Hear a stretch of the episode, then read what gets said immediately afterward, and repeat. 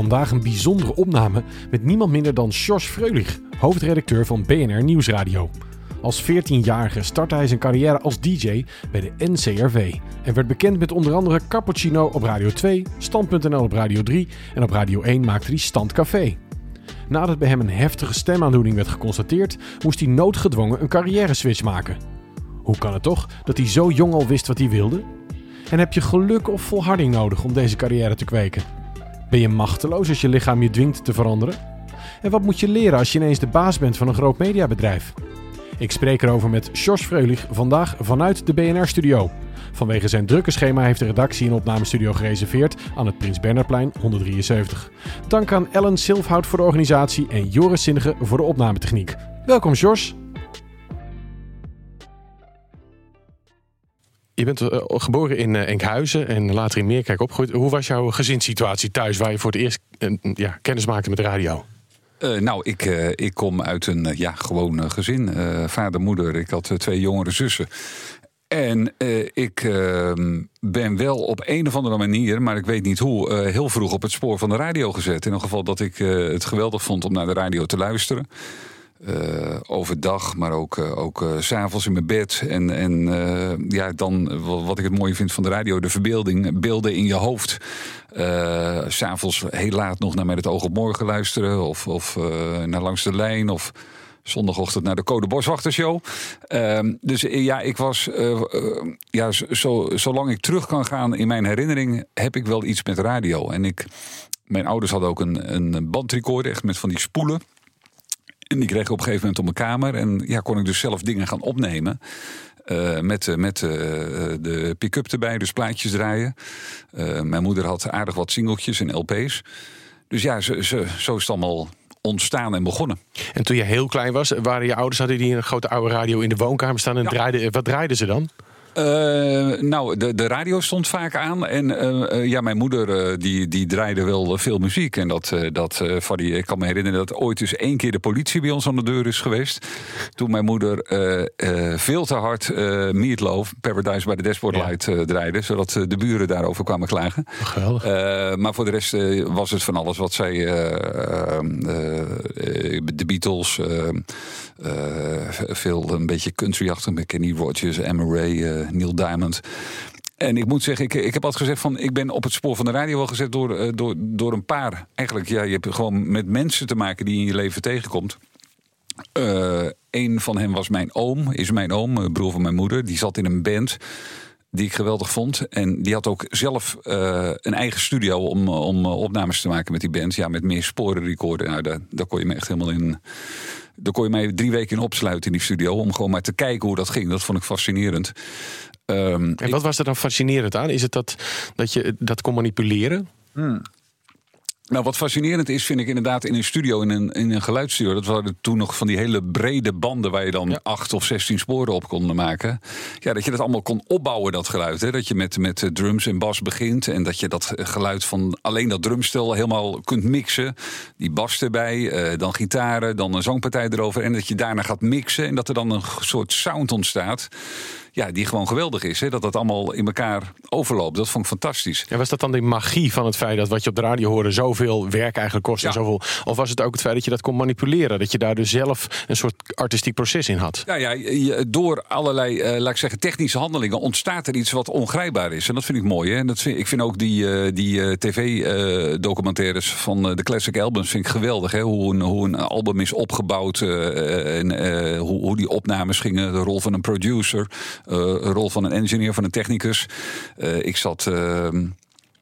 Uh, die die documentaire van Queen die werd pas weer uitgezonden. een van hun albums, hoe dat gemaakt werd. Ja, dan zie je ze daar met z'n vieren naast elkaar bij die grote SSL-mixen ja. zitten. En de een doet dat en de ander doet dat. En Freddie Mercury vraagt aan, die, aan die bassist John Deacon... kom er even bij, want we moeten even... Ja, en dan ontstaat er dus iets. En dat vind ik geweldig. Dus dat, dat, dat was hè, mijn oom die, die, die mij op dat spoor zette. Ik had een muziekleraar op de middelbare school, meneer Heininga, ik weet nog uh, zijn naam. Uh, die ons helemaal ehm, eh, ja, eh, eigenlijk eh, overladen met de Beatles. Nou ja, dat vond ik ook geweldig. En ook die liedjes helemaal ehm, uit elkaar Analyseren. vlasten. Ja, Van hoe, hoe zit dat in elkaar en waarom is het zo bijzonder? Dus dat vond ik heel bijzonder. En ik had eh, bij ons in het dorp waar ik woon, in Meerkerk, daar was een, eh, een, eh, een radiopiraat. Eh, Radio Bernardino heette het. Dat was elke, elke zondagmiddag. Met verzoekplaatjes natuurlijk. Maar ook eh, met eh, de sportuitslagen van de plaatselijke volleybalclub en de voetbalclub. En ik belde elke. Ik, ik kon, waar, waar ik woonde, ik woonde net iets buiten het dorp, kon ik het niet horen. Zo, eh, zo zwak was die zender. Dus dan ging ik vaak bij andere mensen in het dorp.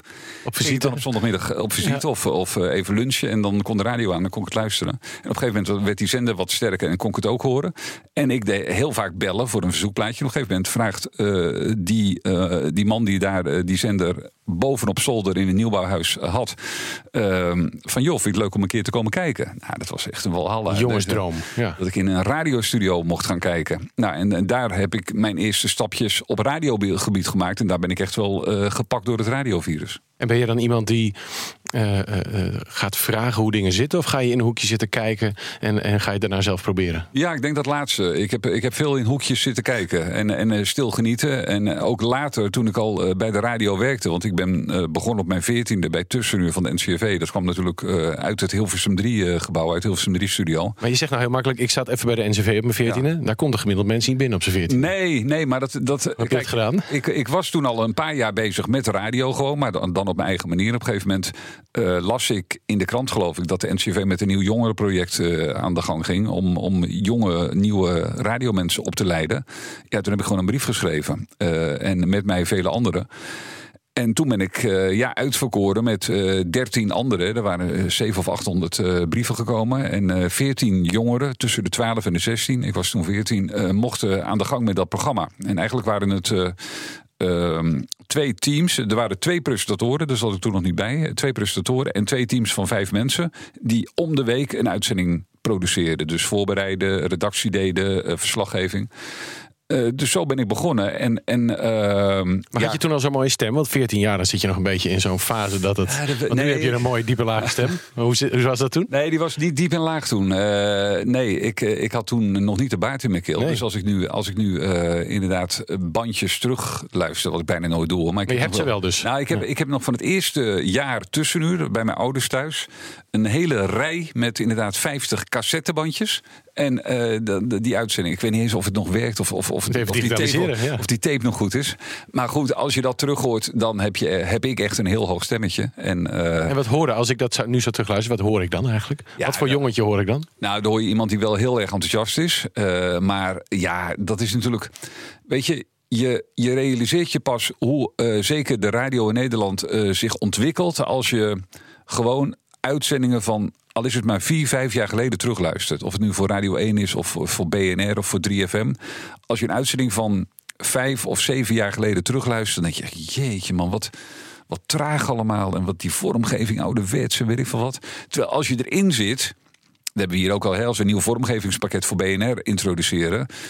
Wij, wij- wij hebben nooit echt het gevoel van, nou, we, we zijn echt toe aan nieuwe vormgeving. Want wat we nu hebben, dat kan echt niet meer. Nee. Maar op het moment dat je die nieuwe vormgeving introduceert en je gaat na een maand even naar die oude vormgeving luisteren, denk je, oh jong, wat erg, wat ouderwets. Maar er was iemand die ooit zei, als je een jaar terugkijkt naar wat je deed, je schaamt je daar niet voor, ben je niet genoeg ontwikkeld. Dus dat zou natuurlijk Nou. ook een positief teken kunnen zijn. Nee, ik denk ook dat het een positief teken is. Dat het, dat het inderdaad met ontwikkeling eh, te maken heeft.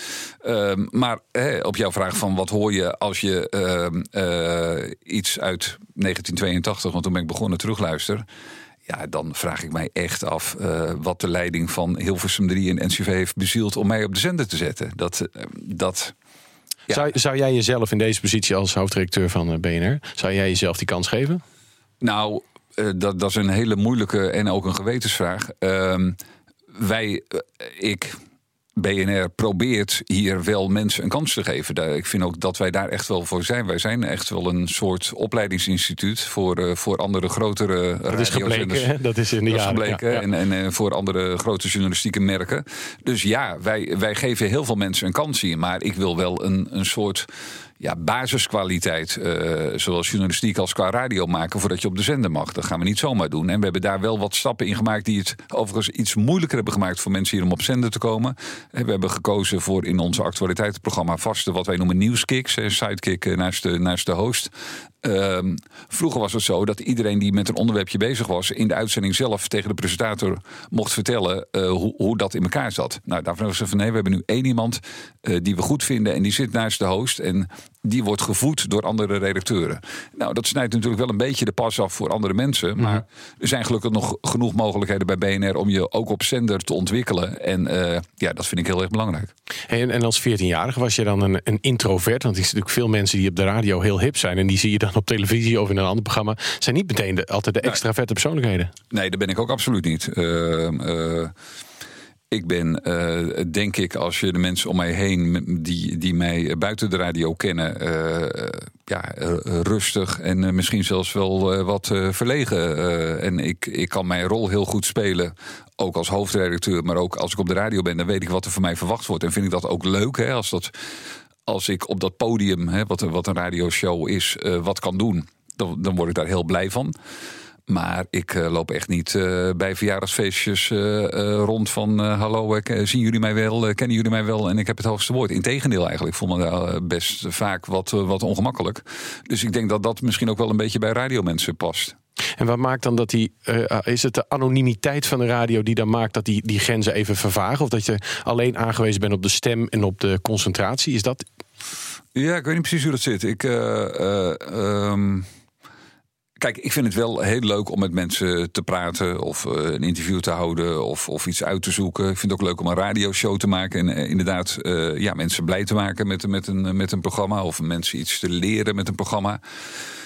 daar zit het hem in, maar ja, dat hoeft eh, wat mij betreft, uh, ja, wat ik zeg, ik, ik loop niet altijd zo rond. Maar zou je in deze setting makkelijker iemand de vraag stellen wanneer, dan wanneer je dat real life zou moeten doen? Ja, nou kijk, als ik, als ik laat ik zeggen, één op één met iemand ben, dan, dan vind ik het heel leuk om met mensen te praten. Hoeft er geen microfoon bij te zijn. Maar in een gezelschap of zo, dan heb ik echt niet het hoogste woord. Zeker niet. Dus het is ook feit dat in een studio altijd een kleine intieme setting is die het makkelijker maakt om dan.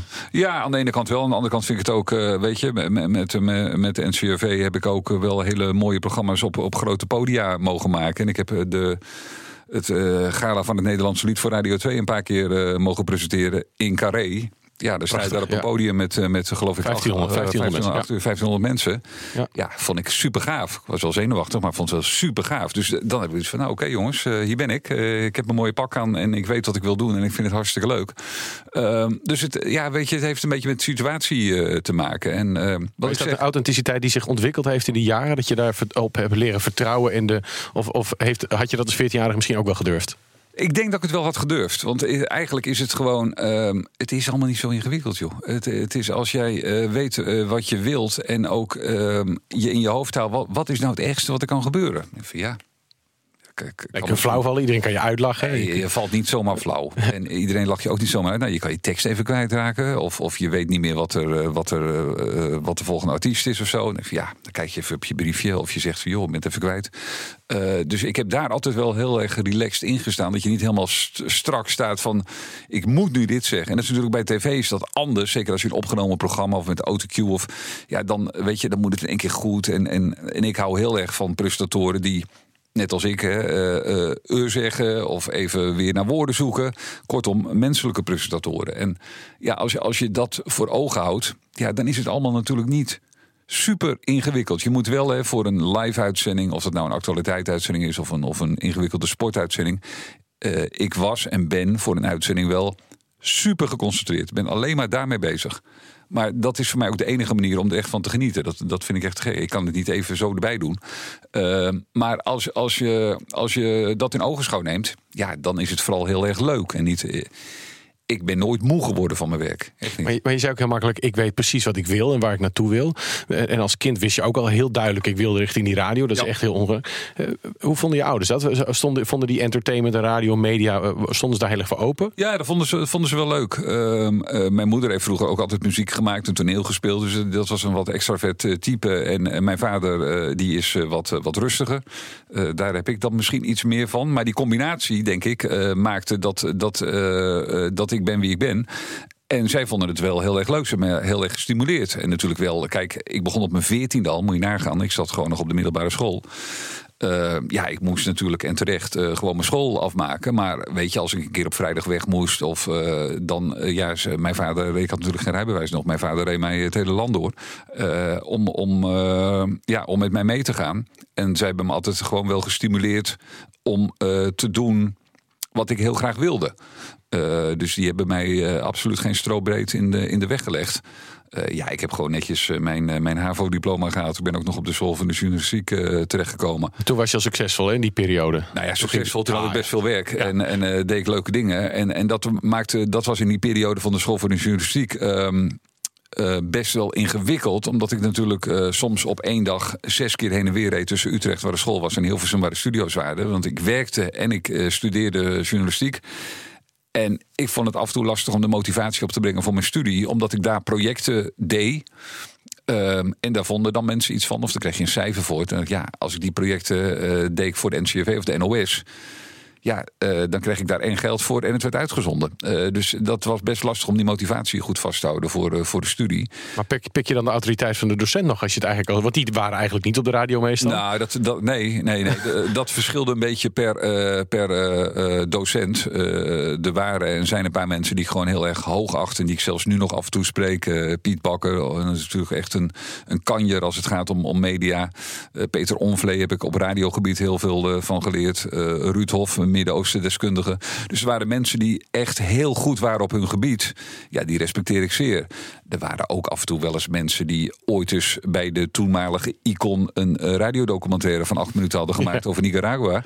En, en, en uh, ja, zich uh, daarop lieten voorstaan. Ik van ja, je hebt geen idee van een radioshow. Daar, daar, heb je, daar weet je gewoon helemaal niks van. Was het toen ook al van ik weet precies waar ik heen wil. Dus ik kan goed naast me neerleggen wat ik niet serieus neem. En ik zuig in me op wat ik wel wil weten? Nou ja, ik wist niet exact precies waar ik heen wilde. Want ik wilde gewoon bij de radio werken. En waar dat was, ja, maakte niet zo heel veel uit. En, en, en ik heb wat dat betreft ook eigenlijk nooit echt een carrièreplanning gedaan. Ik wist inderdaad wel.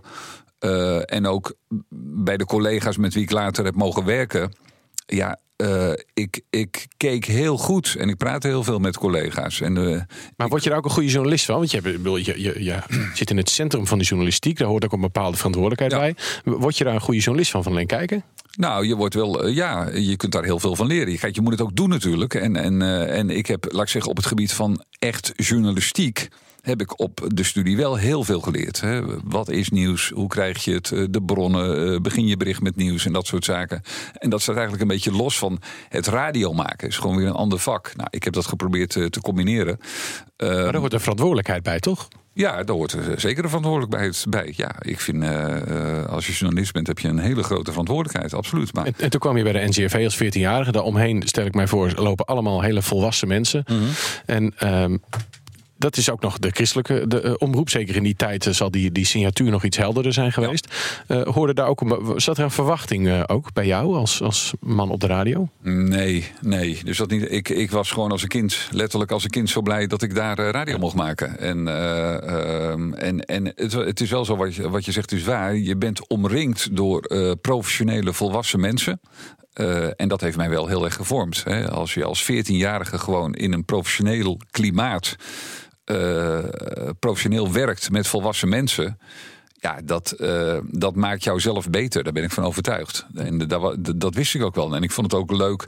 Kijk, uh, ik denk dat mensen bij mij ook wel uh, de drive herkenden om, uh, ja, om, om goed te worden en om het vak uh, te leren. Dus als ik ging praten met of Govert van Brakel of Frits Spits of Felix Meurens, die vonden dat volgens mij wel, wel leuk. Want die namen altijd heel veel tijd van mij om over het vak te praten en, en dingen te doen of dingen af te luisteren van mij of daar commentaar op te geven. Ja, daar word je alleen maar beter van natuurlijk. En dat geluk heb ik gehad dat ik als als hele jonge jongen met uh, dat soort uh, cracks uh, mocht, mocht werken. Maar je hebt die laatste twee wel eens genoemd, hè? Felix Meurs en Frits Spits, als mensen die zich ook bekommeren om de wereld. Mm -hmm. Is dat belangrijk als radiomaker? Nou, niet per se, denk ik. Want ik denk dat je een hele goede radiomaker kunt zijn zonder dat je je bekommert om de wereld. Maar voor mij persoonlijk is het wel belangrijk. En daar komt weer, laat ik zeggen, dat snijvlak van de journalistiek en radio bij elkaar. Ja, ik vind dat iedereen uh, zijn best moet doen om de wereld een beetje beter te maken. En als je het hebt over, over Frits Spits en Felix Meuris, die hebben natuurlijk wel altijd programma's gemaakt. Ja, ook om mensen gewoon te entertainen. Maar er zat altijd wel een laag, een intelligente laag onder. En dat vind, ik, eh, dat vind ik heel erg knap. Als je dat kunt combineren. De, de, dat je het heel erg leuk vindt om naar iemand te luisteren. Dat je daar blij van wordt. En dat je blij wordt van het enthousiasme. Dat dat aanstekelijk werkt. Maar dat je er ook hoort dat iemand de krant leest en uh, inderdaad een beetje nadenkt uh, over, uh, over hoe het gaat in de wereld. Dat vind ik wel een, een, mooie combinatie. En dan heb je heel lang bij de, bij de NPO gezeten, tenminste wat nu de NPO heet. Veel publieke omroep, veel verantwoordelijkheid. En dan kom je bij BNR Nieuwsradio, wat natuurlijk een heel zakelijk signatuur heeft. Ja. Nou, ze hadden allemaal slogans, ik heb ze even opgeschreven, ik weet ze niet uit mijn hoofd. Maar BNR bespaart je de onzin en niets houdt je tegen. Jij kwam in 2013 als directeur en je veranderde dat in BNR Nieuwsradio zet je aan. Waarom is dat pretentieuze eruit gegaan? Had je meteen zoiets van, dat wil ik, dat, dat past niet? Nee, zo, zo, want er zat er nog intussen ook uh, verstand van zaken. Dat was eigenlijk de slogan waarmee ik binnenkwam. Ook, ook, ook, tijdens de gesprekken toen ik hier werd aangenomen. Uh, nee, vind je dat pretentieus, verstand van zaken? Ja, dat, dat is wel eh, pretentieus. Kijk, eh, ik, ik vind dat wij verstand van zaken hebben. Uh, want dat moet je als nieuwsstation hebben. En zaken heeft dan natuurlijk nog de dubbele betekenis... dat wij ook wel een, een, een zakelijk georiënteerde zender zijn. Dus in die zin vond ik hem aardig. Zet je aan dat... Ehm, die, die had ook een dubbele betekenis. Hè. Het, zet je aan tot, tot nadenken. het zet je aan tot beslissingen nemen. Maar je zet hem ook aan. Gewoon fysiek de radio. dus ik ik, vond, ik ben altijd wel op zich ben ik op zoek naar ja, en iets dat klopt en iets wat een beetje een kwinkslag heeft. Ik moet zeggen dat uh, wat mij betreft de, de slogan of de payoff, zoals je dat noemt, heeft in het algemeen wel wat aan waarde ingeboet. Je ziet het ook bij allerlei grote, gewoon commerciële projecten ja, vroeger eh, had je Miele, er is geen betere, Philips. er waren alle echt slogans die, ja, die iedereen kende. Ehm, en en dat, dat is een beetje weg eigenlijk. Die ook bij andere grote merken. En ik weet niet hoe dat komt. Er zullen ongetwijfeld reclamegoeroes wel een verklaring voor hebben. Maar en toch is een van de eerste dingen die heb veranderd. Ja, maar dat was ook dat is inmiddels ook alweer bijna zeven jaar geleden. En uh, volgens mij toen ik kwam, maar dat weet ik niet zeker, was er even geen slogan. Dus okay. ik dacht gewoon van ja, we moeten weer, we moeten weer een slogan hebben. En uh, op zich uh, is dat ook helemaal niet slecht. maar ik ben inmiddels ook wel zover dat ik denk van ja, weet je, als het gaat om BNR en de mensen die naar ons luisteren, ik denk dat inmiddels dat merk BNR genoeg zegt. Dat denk ik zeker. Hey, en uh, je, je, hebt natuurlijk heel lang actief radio gemaakt. Um, geloof jij in, in toeval in het leven? In dingen die vanuit jouw achtergrond, van jouw uh, opvoeding, geloof je in toeval in het leven? Uh, of dat dingen gebeuren met een reden? Ja, daar geloof ik wel in. Ehm, dat, dat laatste. kijk, ik, ik denk. Toeval is absoluut een, een, een factor hoor. En, en geluk is ook een hele grote factor. Uh, en ik heb uh, op uh, bepaalde essentiële momenten heb ik gewoon heel veel geluk gehad. Dat je in de mogelijkheid wordt gesteld om iets te doen. Dat op dat moment toevallig mensen dat horen of jou zien en denken van hé, hey, Ah, dat jochie kan wel wat. Uh, dat uh, Ferry de Groot uh, volledig ins blauwe ineen denkt van... nou, we gaan die chassis even achter op de motor zetten in de Tour de France... terwijl hij daar geen ervaring mee heeft. Ja, je bent natuurlijk gewoon wel afhankelijk van de risico's... die andere mensen met jou aandurven. Uh, ik, ik, wil ook niet te vals bescheiden zijn. Het is een combinatie van geluk, uh, die kansen krijgen, maar dan die kans ook grijpen. Hè. Je moet ook wat kunnen, want anders is het heel snel afgelopen. Dus ik geloof meer in een combinatie. Maar de factor geluk is uh, in een geval bij mij uh, is natuurlijk hartstikke, hartstikke groot geweest. Maar in 2007 kreeg je last van je stem. En um, is, heb je toen op enig moment gedacht, waarom overkomt mij dit? Nee, zo heb ik nooit gedacht. Uh, ik baalde er enorm van. Uh, ten eerste duurde het heel lang voordat we erachter waren wat er aan de hand was. En op een gegeven moment moest ik ook de beslissing nemen om gewoon ja, te stoppen met presenteren. Nou, dat vond ik echt wel heel jammer. Inmiddels was mijn stem en mijn gezondheid zo slecht dat ik ja, dat, dat dat eigenlijk al een beetje verder weg was. Dat ik eh, dacht van jeetje, ik hoop dat ik gewoon weer normaal een beetje kan praten met de mensen om me heen. En normaal kan functioneren. En normaal naar een, een etentje of een verjaardag uh, kan gaan. Want dat kon niet meer, omdat ik niet kon praten. Ja, dan is het heel ongemakkelijk om, om met uh, meerdere mensen in een ruimte te verkeren. En word je dan eenzaam of is het ook een gevoel van schaamte? Nee, geen schaamte, want ja, ik kon er niks aan doen. Uh, maar je wordt wel een beetje eenzaam. Nou, nou ben ik niet zo iemand die gelijk als een 30.000 vrienden opzoekt om wat leuks te gaan doen. Dus dat valt ook wel mee. dus ik, ik heb me daar.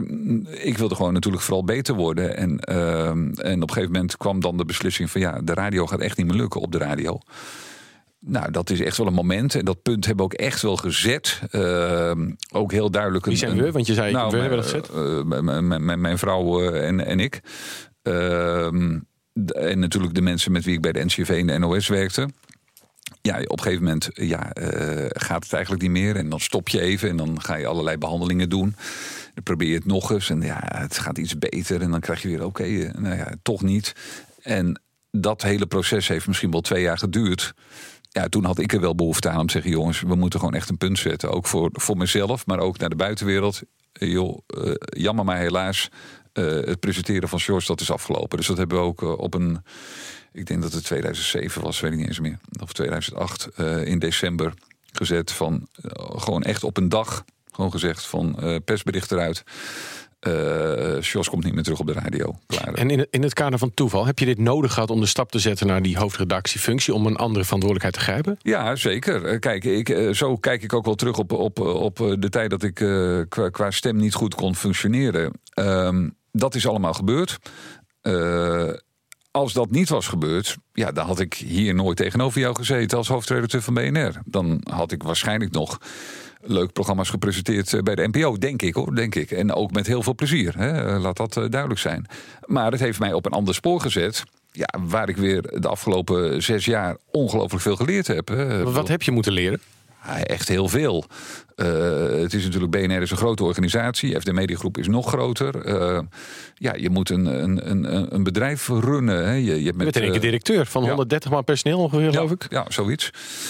en, en, dus je krijgt met allerlei dingen te maken. Mensen kijken naar jou. Hè. Er is iets aan de hand. Mensen kijken naar jou. Wat moeten we doen? je hebt een, een, een verantwoordelijkheid als het gaat om hoe winstgevend is het station. Hè. Gewoon verantwoordelijkheid dat er genoeg omzet is. Want ja, een nieuw station is de duurste tak van sport. Kost heel veel geld om BNR te maken.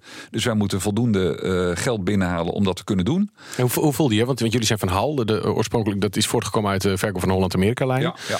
Uh, uh, je bent ineens PNL-verantwoordelijke. Dus, dus je, ja, dan kom je daar voor het eerst. Ja. En, en hoe voelt dat? Had je überhaupt verstand van een jaarrekening? Ja, ik had wel verstand van een jaarrekening. Want ik, ik, ik, had al jaren mijn eigen bedrijf samen met Peter Plezier, Freudig en Plezier. Hè. Veel kleiner, hè. wel de vier, vijf man personeel en maakte radio en tv en uh, events. Uh, dus ik wist ja, hoe een bedrijf werkte. Hè. Uh, kosten, omzet, jaarrekeningen, personeel. Dus wat dat betreft, het principe kende ik wel. Ja, alleen dit is natuurlijk een andere league. En het mooie is, en ook daar heb ik weer geluk gehad. Ehm, hier in de directie van de FD Media Groep en, en ook zeker bij Hal ja, er zitten zulke ongelooflijk uh, slimme mensen. Dat als je ergens mee zit, of het nou uh, ja, een, een, een, een, een zakelijk probleem is, of moet je wel of niet iets overnemen, of hoe kun je dit het beste regelen ja, die hebben daar ongelooflijk ervaring mee. Hè. Hal is een van de allergrootste bedrijven in Nederland. Er realiseren heel weinig mensen zich.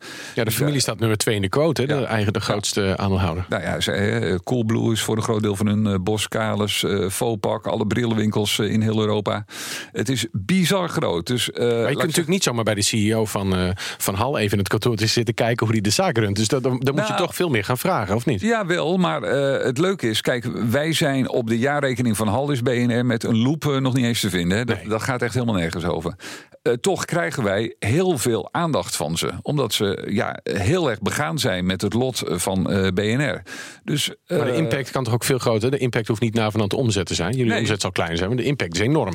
Ja, nou ja, zo zien zij dat ook. En zij vinden het ook echt heel erg leuk en belangrijk... om de FD Media Groep overeind te houden. Zij vinden het belangrijk dat er een Nederlandse journalistieke uitgever is. Want laten we wel wezen, op dit moment zijn behalve het FD alle Nederlandse dagbladen in Belgische handen. In, in handen van twee Belgische bedrijven. Ja, dat, dat, is, dat is nogal wat natuurlijk. Dus uh, uh, ik vind ook daar, hè, we hadden het eerder in het gesprek over verantwoordelijkheid. Zij nemen daar hun verantwoordelijkheid. Want uh, echt hoor, om heel veel geld te verdienen hoef je echt niet te investeren in de FM Media. Nee, radio überhaupt geen. Uh, en, en, helemaal niet in BNR. Nee.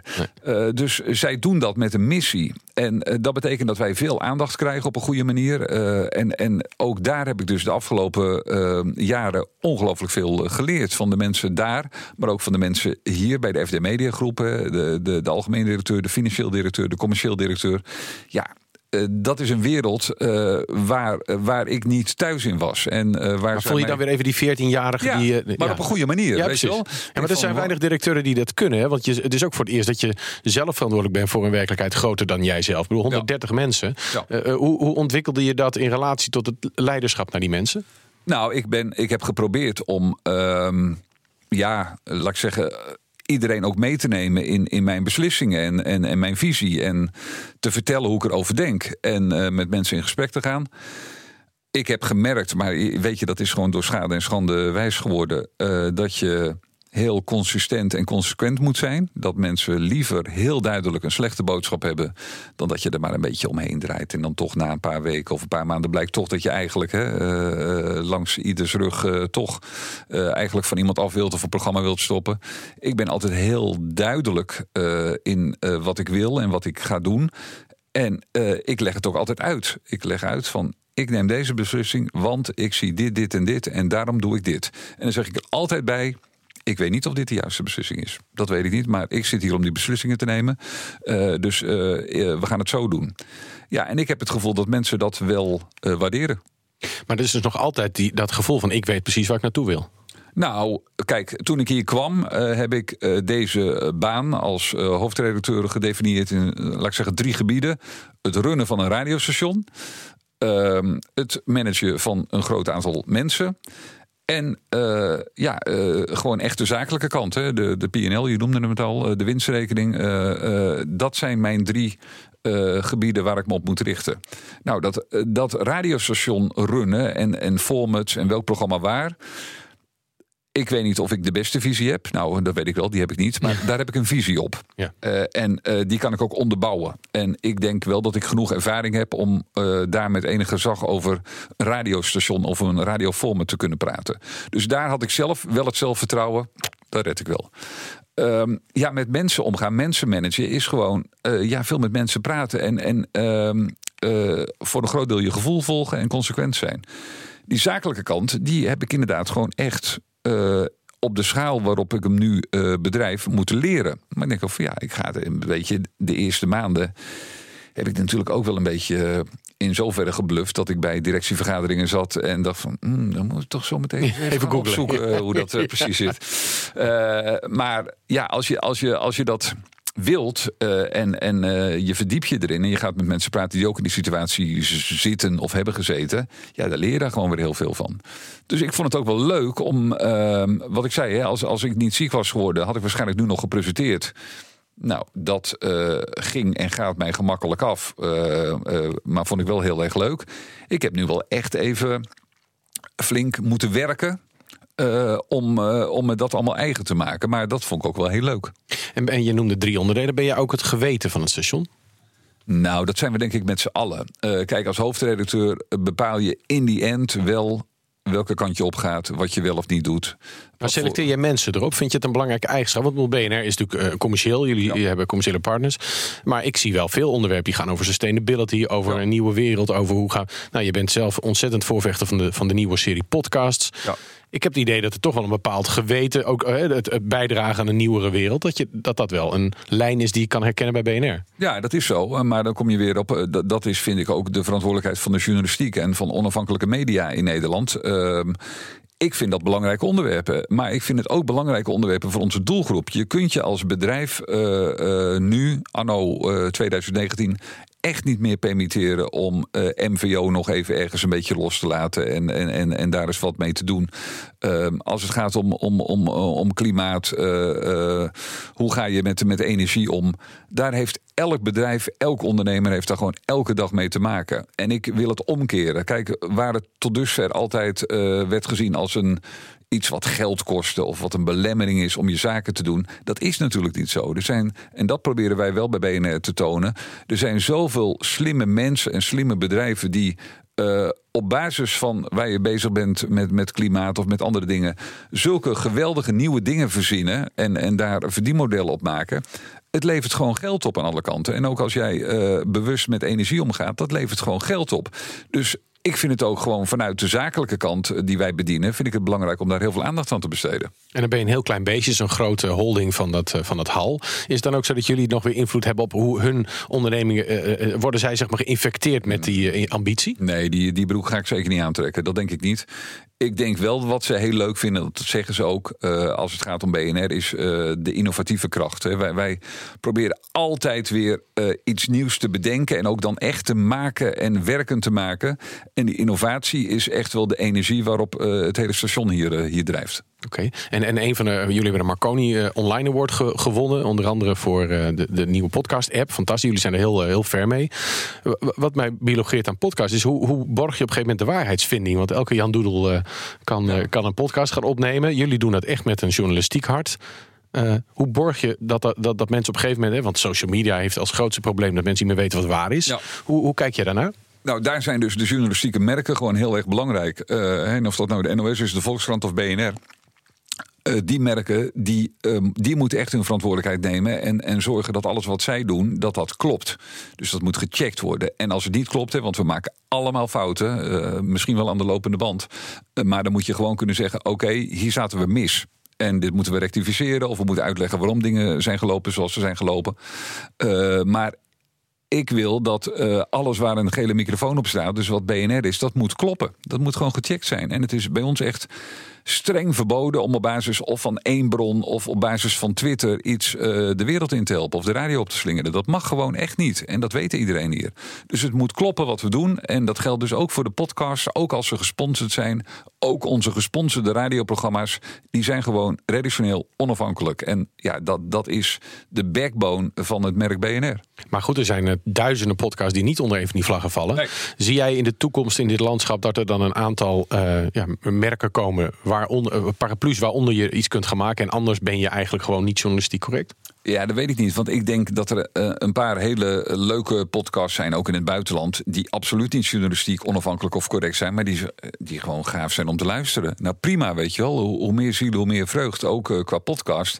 Maar als je echt, echt kwalitatieve informatie zoekt op een journalistieke basis, ja, dan moet je wel kijken waar je podcast vandaan haalt. Maar wat ik zeg, er zijn natuurlijk ook gewoon heel veel, zeker in Amerika, comedy podcasts of uh, podcast met een host die heel erg extreem is. Ja, dat, dat is prima, weet je wel. Alleen dat is niet journalistiek verantwoord of redactioneel onafhankelijk. Dat geeft niet. Dat, moet je gewoon allemaal lekker doen. En je hebt gelijk, met podcast is het zo dat ja, iedereen kan met zijn, met zijn iPhone wat opnemen en het via Spotify online zetten. Ja, nou, uh, oké, okay, prima. Weet je wel. Als, uh, je moet oppassen dat er niet echt uh, onzin of, of, of desinformatie wordt verspreid. Maar ik denk dat daar weer de grote platforms weer een verantwoordelijkheid hebben. De, de Facebooks en de Spotify's. Ehm, maar dus ook BNR, want jullie zijn ook zo'n groot platform. Ja, in Nederland. Nou ja, zeker. Maar, maar ik, ik kan geen verantwoordelijkheid nemen voor iedereen die een podcast maakt in Nederland. Hè. Ik kan alleen verantwoordelijkheid nemen voor wat er bij ons met de gele microfoon uh, uh, op de website staat of via Spotify wordt uh, verspreid.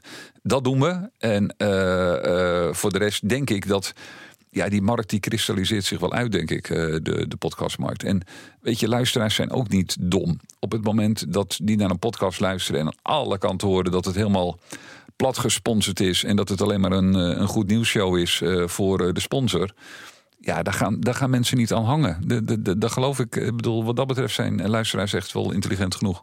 En je hebt zelf eh, kinderen. Jouw, uh, jouw dochter zit geloof ik al op middelbare school. Stel nou dat jij morgen gevraagd wordt... Uh, joh, zou jij aan die, die, die brugklasses, die jonge kinderen op de middelbare school... les willen geven in dat medialandschap? Wat zouden ze... Want zij nemen heel andere dingen tot zich. Jij draaide vroeger aan de radio en hoorde dan muziek. Ja. Maar zij kijken het op andere manier. Hoe zou jij het medialandschap duiden? Heel eenvoudig. Gewoon voor brugklasses op hun niveau. Nou, dat is een, dat is een best lastige vraag. Want ik let natuurlijk heel goed op hoe mijn kinderen media consumeren. Ja, dat is heel anders dan ik dat deed en dan ik dat doel. Want ik vind het, uh, ik heb toch nog altijd om tien uur s'avonds even een tik van het nieuwsuur aanzetten. Terwijl mijn dochter zegt, ho hoezo moet dat om tien uur? Ja, dat heeft ze eigenlijk wel een punt. Hè? Dat, dat is helemaal niet nodig. Ouderwetse programmering. Ja, uh, dus ik kijk wel heel goed hoe zij uh, nieuws tot zich krijgen. Nou, uh, ik merk dat jonge mensen over het algemeen zonder de uh, de traditionele nieuwsrubrieken heel goed geïnformeerd zijn. Die eh, weten echt wel wat er aan de hand is. Alleen uh, wat ik wel probeer duidelijk te maken van joh, ga niet op elk Facebook en Twitter bericht af. kijk wel waar je nieuws vandaan haalt. Hè. nogmaals. Maar hoe, hoe dan? Want dat is leuk gezegd. Maar stel maar, jij zou echt die docent zijn. Dus jij geeft les in hoe neem je nieuws tot je en hoe krijg je een brede indruk. Wat, wat zouden je adviezen zijn? Van, van hoe, nou, als het, nou, als het echt gaat om uh, dat je echt wil weten, als het om feiten gaat, dus niet om meningen, maar om feiten. Ga dan wel af op die journalistieke merken. van mijn part is dat nu.nl. Uh, in principe, wat daar staat, klopt gewoon. Mm -hmm. Daar kun je gewoon van uitgaan. En als je daarnaast heel leuk vindt om de podcast van Robert Jensen te luisteren, moet je dat vooral doen. Want dat scherpt je mening. Dat is hartstikke goed. Maar als het gaat om die feiten, ga dan gewoon af op, op uh, uh, merken die er zijn en, en die zich bewezen hebben. En die ook uh, zich kwetsbaar durven op te stellen. Is voor een journalist nog wel een puntje. Hè, om te zeggen, joh, dit heb ik niet goed gedaan. Ehm, maar zou jij als docent ook Robert Jensen gaan duiden? Van er is een bepaalde schaal, er zijn bepaalde meningen. En, en, en zo ontwikkelt zich, neem kennis van al die schalen. Ja. Zeker. Ik vind het heel erg belangrijk dat, er, uh, dat de Post Online er is, dat Jan Roos er is, dat Robert Jensen er is. Uh, ik vind dat belangrijk en dat dat ook kan in Nederland. En de andere kant is er ook, weet je wel. En iedereen moet daar gewoon kennis van nemen en moet daar gewoon uh, zijn eigen mening op, op, op slijpen. Ehm, ik vind het prachtig dat ik in een land leef waar iedereen echt kan zeggen wat hij wil. Dat vind ik mooi. Dat is ook mooi, maar het is dus heel moeilijk voor jongeren om nog te duiden. Zou je ze ook adviseren om zelf iets te gaan maken, zodat ze leren hoe moeilijk het is? Want jij hebt natuurlijk als 14-jarige in hoekjes zitten kijken, ja. hebt een hele stijl ontwikkeld in, in 30 jaar radioervaring. Ja. Je leert nu andere mensen, je, je regisseert andere mensen over hm. hoe je dat doet. Zou je zouden kinderen of jongeren altijd moet, in aanraking moeten komen met het maken van iets? Al is maar een interview? Nou, dat weet ik niet. Uh, op zich vind ik het een leuk idee. Als ze dat leuk vinden, moeten ze dat doen. Maar ik vind het wel heel belangrijk, en dat zou denk ik al op de, op de, op de basisschool moeten, dat je veel meer aandacht besteedt aan uh, wat ze uh, mediawijsheid noemen. Uh, dat je daar echt veel meer aandacht aan besteedt. Dat je laat zien wat er allemaal is. Dat er ook een heleboel uh, uh, troep bij zit. en dat je niet alles moet geloven wat je via de app of via Twitter of via andere social media of Snapchat tot je krijgt. ook hoe jonge kinderen moeten omgaan met allerlei verschrikkelijke fenomenen die je op het internet ziet. Ik denk dat daar nog wel een enorme slag te maken is. Ja. Hey, nou moet je nog een hele tijd werken. Je bent eigenlijk nog heel jong. Maar als je over 15, 20 20 jaar. Nou dat ik heel jong Ja, nou, okay, voor, voor, deze baan, voor als, als CEO van zo'n groot bedrijf. Uh, nog 15 tot 20 jaar werken waarschijnlijk. En dan ga je met pensioen. Hoe wil je erop terugkijken? Hoe wil je dat mensen uh, zich jou herinneren in het werkende leven? Ja, je, je bedoelt ook nu even mijn grafsteen. Uh, nee, want dat had ik gezegd op je graf. Maar, maar daarvoor nog, want dan heb je nog ja. een kans om, om de wereld uh, zonder ja. werk te gaan. Ver, ver, ja. Maar hoe wil je dat mensen. Welke impact heb jij gemaakt? Nou, ik ben niet zo bezig met wat mensen van mij vinden. Ik uh, wil zelf kunnen terugkijken op een uh, zinvol uh, leven. En wanneer is dat zinvol? Nou, heel egoïstisch. Als ik mooie, leuke dingen heb kunnen doen. Nou, het antwoord daarop is natuurlijk ja. dat heb ik al tot nu toe kunnen doen. Ehm, en ja, tuurlijk, ik denk dat iedereen graag wil dat uh, wat hij of zij uh, doet in het werk of ook buiten het werk, dat dat ertoe doet. En ik, uh, tuurlijk, ik wil ook dat wat ik hier bij BNR doe, of wat ik in het verleden op de radio heb gedaan, dat dat ertoe doet. Maar joh, um, het programma Cappuccino, wat ik jarenlang heb gepresenteerd en wat het in de tijd dat we het uitgezonden ongelooflijk populair was, ja, dat is nu dat is weg, dat programma. En da daar hoef ik, weet je, daar heb ik de wereld niet mee veranderd. Ik heb uh, hopelijk uh, mensen op zaterdagmorgen uh, af en toe een glimlach bezorgd. Nou, dat geeft mij al een goed gevoel. Maar Stand.nl bijvoorbeeld zijn wel programma's waar mensen echt anders gaan denken. Omdat ze echt wel wat, wat scherper de discussie ingaan. Maar je, je hebt natuurlijk, je, jouw grote voorbeelden becommerden zich om de wereld. Hoe zien we als jij met pensioen gaat dat jij je bekommerd hebt om de wereld? Nou, ik heb, nou de, de, dat is echt te hoogdravend. Kijk, ik vind inderdaad Stand.nl bijvoorbeeld, het programma, maar ook de hele BNR, wat ik zei. Ik vind het belangrijk om mensen te helpen uh, bij uh, het krijgen van de juiste informatie om zich een mening te vormen. Nou, daar heb ik mijn best voor gedaan met stand.nl. Hebben we wel, denk ik, iets aangeboord wat er nog niet was. Namelijk gewone mensen die iets vonden van uh, wat er in Den Haag of in de wereld gebeurde. Nou, dat was in de tijd dat wij daarmee begonnen, was dat er nog niet. Behalve dan de, de Fox Populi, dat je even twee minuten op de stoep ging opnemen. Wat vindt u ervan? Ehm, en daar werd natuurlijk in het begin ook heel erg uh, op neergekeken door de intellectuele kring. Van ja, god, uh, die mensen met hun uh, gewone mensen met hun meningen, die roepen maar wat. Nou, Frans ik, Timmermans wil nu hetzelfde. Hè? Die wil ongeveer ja. 16-jarigen laten stemmen. Dus ja, blijkbaar was je koploper. Ja. ja. Nou, ik weet niet of dat het geval is. Maar kijk, ik, ik, ik ben er hartstikke trots op dat we dat programma hebben kunnen, kunnen maken. En ik ben ongelooflijk trots op het bedrijf en het station en het merk wat BNR nu is. Maar je zit toch hier met die redacteur en die journalisten, zeg je ook, ja, ik vind wel dingen van MVO. Ik vind wel dat, dat bedrijven dit moeten begrijpen. Ja. Dat is er ook een manier om je te bekommeren om de wereld. Ja, nou ja, dat is dan mijn manier. Maar ik, uh, weet je, ik, ik ben best idealistisch. Maar ik sta niet elke, elke ochtend op en denk van, goh, hoe ga ik vandaag de wereld eens even redden? Ik heb maar dan zou je het ook niet effectief krijgen. Dan nee, zou je zeker binnen deze markt het niet krijgen. Dus wat is de maat? Hoe bepaal je die maat?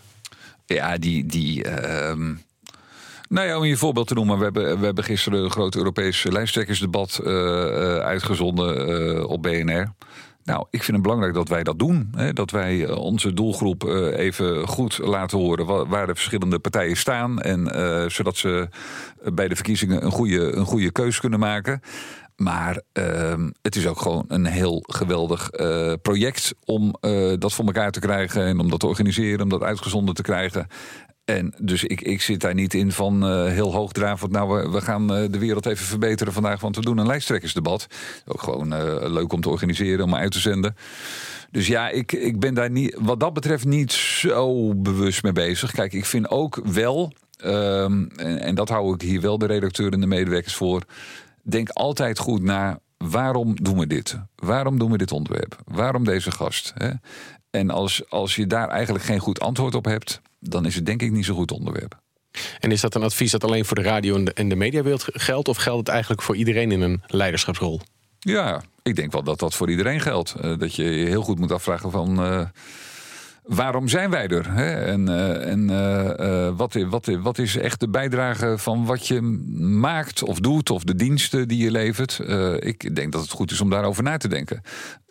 en en nou, dat doen we wel hier. En dat doet ook iedereen hier. We, denken heel goed na over wat we doen. En dan nog, nogmaals, dan kun je de verkeerde keuzes maken. Maar ik zeg altijd van.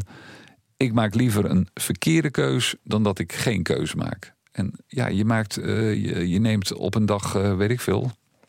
Ik heb ze nooit geteld, maar tientallen beslissingen. Ja. Beslissingen. Uh, ja, een groot percentage blijkt achteraf een verkeerde beslissing te zijn. Maar dan heb je toch liever die verkeerde beslissing en dat er een klap wordt opgegeven en dat iedereen weet waar die aan toe is en dat hij daarmee aan de gang gaat, dan dat het een beetje blijft hangen. Hè? En dat je de situatie de beslissing laat nemen. Dat wil ik altijd voorkomen. Ik wil altijd zelf in de lead zijn ik wil bepalen waar ik heen wil en hoe we gaan. En ik wil niet reageren op, op wat er gebeurt. En vandaar ook die innovatiedrang die we bij BNR hebben. Wij willen zelf gaan ontdekken en experimenteren met wat er allemaal mogelijk is met het medium radio, met, met audio. En uh, ik wil niet in het defensief krijgen. Oh, oh, oh, de, de, de markt loopt terug. Of uh, de luistercijfers lopen terug. En we moeten dit en we moeten dat. Nee, ik wil het vanuit de kracht van BNR. Wil ik die innovatie aan? Wil ik met smart radio? Wil ik met podcast aan de gang? Wil ik nadenken, hoe gaan we over vijf of over tien jaar audio tot ons nemen? Ja, iedereen riep van ja, dan heb je allemaal uh, uh, zelfsturende auto's. Heb je geen radio meer nodig? Onzin, denk ik. Ja. Uh, dus wij, wij moeten daar klaar voor zijn. En nou ja, dat, eh, probeer ik wel heel erg over te brengen. En laat je dan ook inspireren door andere mensen? Ga je dan ook bij, eh, bij grote bedrijven kijken hoe zij innoveren en, uh, en ben je daar te gast? Ja, zeker. Ik praat heel veel met, met collega's, maar ook bij, met andere bedrijven, uh, hoe ze daarmee bezig zijn. Uh, we kijken heel veel in het buitenland uh, wat er gebeurt. Uh, praten met collega's in het buitenland. En let wel, hè, ik heb deze drive, maar de mensen die met, met smart radio bezig zijn, ons, ons multidisciplinaire team on demand dat daarmee bezig is, onze developers, onze data scientists, ja, die, dat zijn allemaal zulke knappe en creatieve koppen, die, die, die houden de hele tijd die machine in beweging.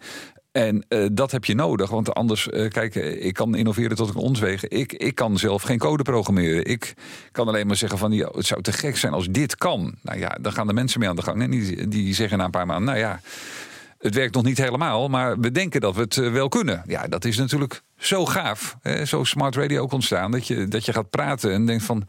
wat zou het gaaf zijn als je gewoon uh, op, je, op je eigen uh, voorkeuren dingen kunt horen. En dat er niet meer een redacteur met blauwe vingers alles hoeft te knippen... hoeft te taggen, in aparte bakjes hoeft te zetten. Maar dat een computer dat doet.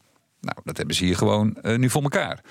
Ja, dat is fantastisch. Dus je hebt echt wel een, een, een team nodig dat uh, minimaal dezelfde drive heeft. En als we de vraag van de 65 jaar even wat kleiner maken, hoe, hoe herinneren mensen zich jou als baas? Ja, dat moet je echt aan die mensen vragen. Nee, Kijk, hoe wil je herinnerd worden als baas? Ja.